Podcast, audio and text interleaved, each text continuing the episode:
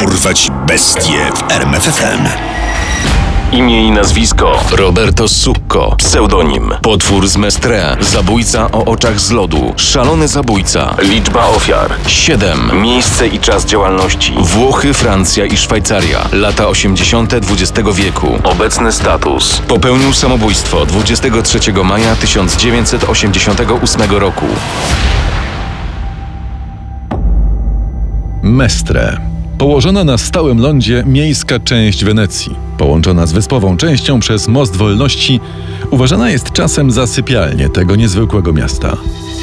To na co dzień spokojne miejsce w latach 80. okrył złą sławą Roberto Succo, morderca, który terroryzował Włochy i Francję, a także Szwajcarię. Jego szał zabijania został w końcu powstrzymany dzięki współpracy policji tych trzech krajów. Succo urodził się w Mestre 3 kwietnia 1962 roku jako jedyne dziecko policjanta o imieniu Nazario oraz Marisy, gospodyni domowej. Był nieśmiałym, zamkniętym w sobie chłopcem, choć zdarzały mu się niekontrolowane wybuchy złości w miejscach publicznych, takich jak szkoła czy autobus. Nie miał przyjaciół i niespecjalnie interesowały go dziewczyny. Za to pasjonował się samochodami i sportem, a także anatomią zwierząt. To ostatnie hobby nieco przerażało jego szkolnych kolegów. Zbierał myszy, jaszczurki, przeprowadzał im w domu sekcje. Nazywał to badaniami. Podobno parę razy zabił też koty. To było chore. Sekcje zwłok miały miejsce w sypialni chłopca, do której nie wolno było wchodzić nawet rodzicom.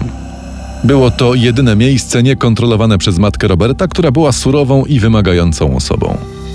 Spodziewała się, że syn będzie się wyróżniał w szkole albo choć w sporcie. Tymczasem chłopak, choć miał niezłe stopnie, był we wszystkim przeciętny.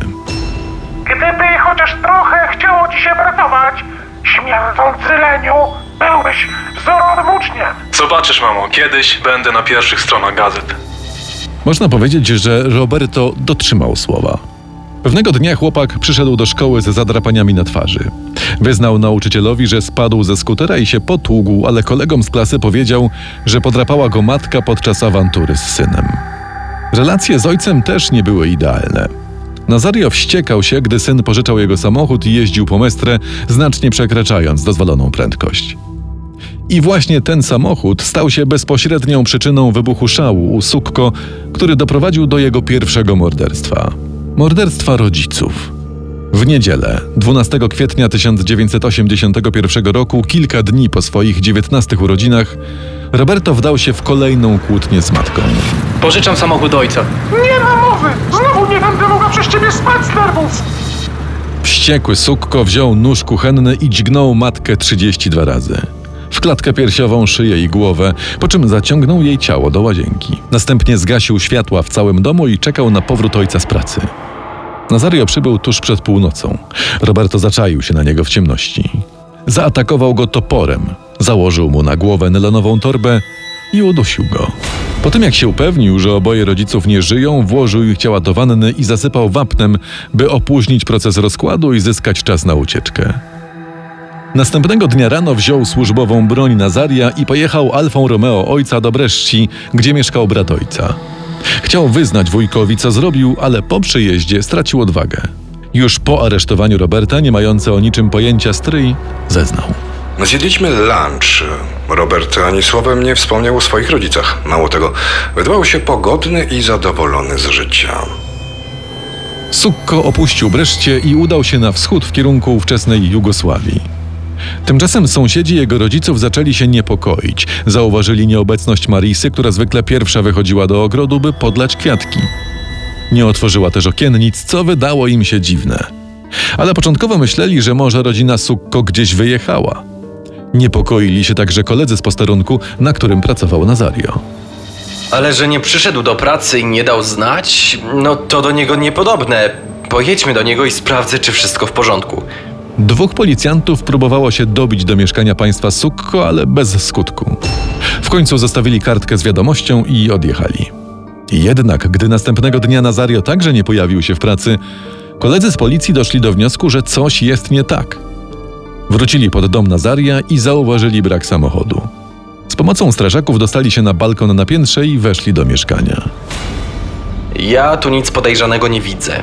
Może faktycznie wyjechali. O cholera, w łazience jest pełno krwi.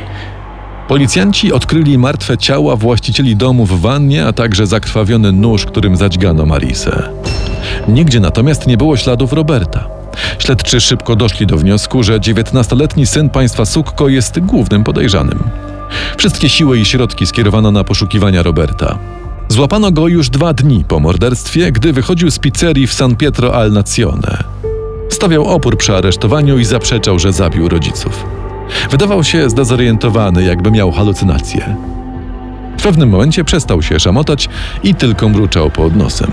Jestem niewinny, jestem niewinny, jestem niewinny. Krótko jestem po niewinny. aresztowaniu, gdy przewożono go do psychiatry, przypuścił znienacka brutalny atak na siedzącego koło niego w radiowozie policjanta. Na szczęście mężczyzna nie odniósł poważniejszych ran. Podczas rozmowy z psychiatrą opisywał szczegółowo swoją wrogość do rodziców. Czułem się bezwartościowy, niekochany. Nie widziałem innego wyjścia niż zabicie matki i ojca. Biegli zdiagnozowali u Sukko schizofrenię, a sąd skazał go na 10 lat pobytu w zakładzie dla umysłowo chorych w Reggio Emilia. Początkowo Roberto skarżył się na klaustrofobię i niemożność przystosowania się do życia w ograniczonej przestrzeni. Jednak po jakimś czasie uspokoił się i wydawało się, że znalazł w zakładzie bezpieczny azyl. Zdał nawet maturę i rozpoczął studia, a dzięki dobremu sprawowaniu uzyskiwał specjalne przepustki na wyjście na zajęcia. 15 maja 1986 roku kolejny raz skorzystał z tego przywileju, ale zamiast iść na uniwersytet, udał się na dworzec kolejowy i wsiadł w pociąg jadący do Genui. Następnie, dzięki sfałszowanemu dowodowi osobistemu, uciekł do Francji.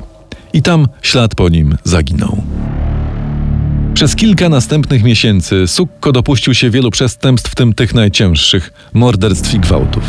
2 kwietnia 1987 roku sierżant policji André Castillo wyszedł z domu w Tresserve w Sabaudi, aby udać się do pracy. Kilka godzin później został znaleziony obok swego auta nad jeziorem w kałuży krwi. To nie wygląda na wypadek. Popatrz, szpier. Tu leżą łuski po nabojach. Ktoś go zastrzelił. Niecały miesiąc później bliscy Wu Din, młodej kobiety pochodzenia wietnamskiego mieszkającej w Onsi, zgłosili jej zaginięcie. Choć ciała nigdy nie odnaleziono, Wu Din znalazła się wśród potwierdzonych ofiar Sukko. Morderca pozbawił też życia młodego lekarza, Michela Stula. Jego zwłoki znaleziono dopiero pół roku później. 24 października 1987 roku w Menton Saint-Bernard Sukko zgwałcił i zamordował Claudine Duchossal. Ciało kobiety odkrył jej mąż, właściciel sklepu meblowego. Pojechała do naszego wakacyjnego domku popracować w ogrodzie. Gdy długo nie wracała, zacząłem się martwić. Kiedy ją znalazłem, leżała w wannie z kulą w głowie. Nie, nigdy nie zapomnę tego widoku. Mimo, że zbrodnie były popełniane na ograniczonym obszarze, nic ich ze sobą nie łączyło.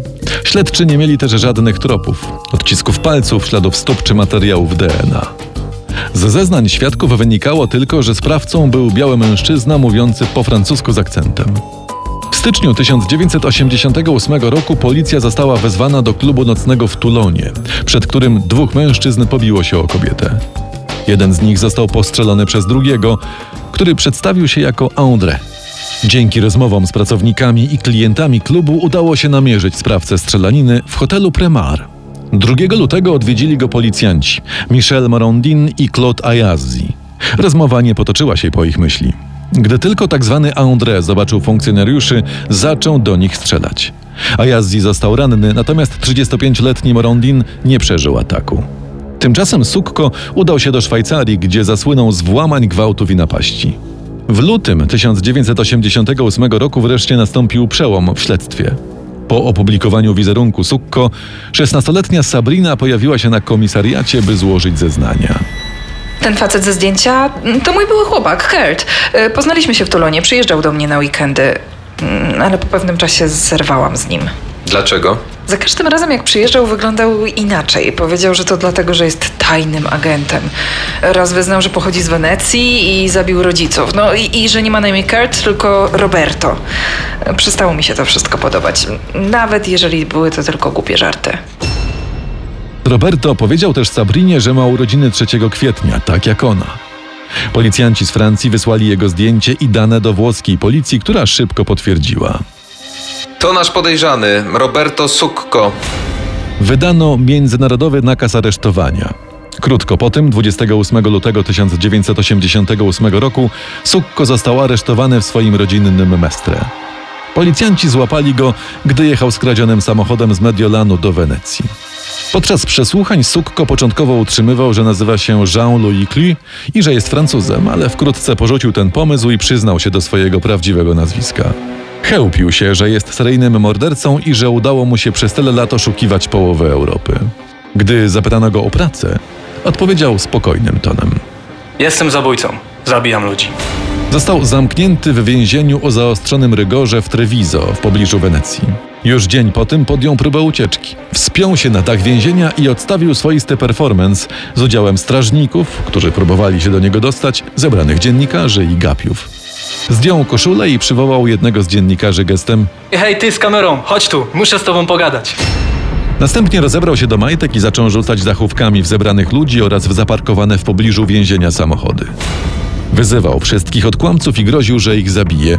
Wrzeszczał też na swoją byłą dziewczynę Sabrinę. Zdradziłaś mnie, dziwko. W końcu zaczął wykonywać niebezpieczne manewry i spadł z wysokości 6 metrów na ziemię, łamiąc trzy żebra. 9 maja 1988 roku Włochy odmówiły ekstradycji Sukko do Francji, co wywołało głębokie niezadowolenie wśród francuskich władz. Psychiatrzy orzekli, że Sukko cierpi na schizofrenię paranoidalną i stanowi zagrożenie dla społeczeństwa. Został przeniesiony do więzienia w Vincenzy. Jego celi pilnowało aż czterech funkcjonariuszy. 22 maja o świcie zajrzeli, by się upewnić, czy Sukko jeszcze śpi i zastali go z poduszką na twarzy. Nie wzbudziło to ich niepokoju, ponieważ światło w celi świeciło się 24 godziny na dobę, więc osadzony często chronił się przed nim, zasłaniając się poduszką. Jednak gdy następnego ranka nadal leżał w tej pozycji, przyjrzeli mu się bliżej. Głowa Roberto Sukko była wepchnięta w plastikowy worek na śmieci i zaklejona taśmą. Potwór z Mestre odebrał sobie życie w wieku 26 lat, nie doczekawszy się procesu. Znaleziono przy nim notatkę, która brzmiała: Kiedy powiedzą ci, że nie żyję, nie smuć się. Będę słuchał śpiewu ptaków. Poznaj sekrety największych zbrodniarzy świata. Dorwać bestie w RMFFM.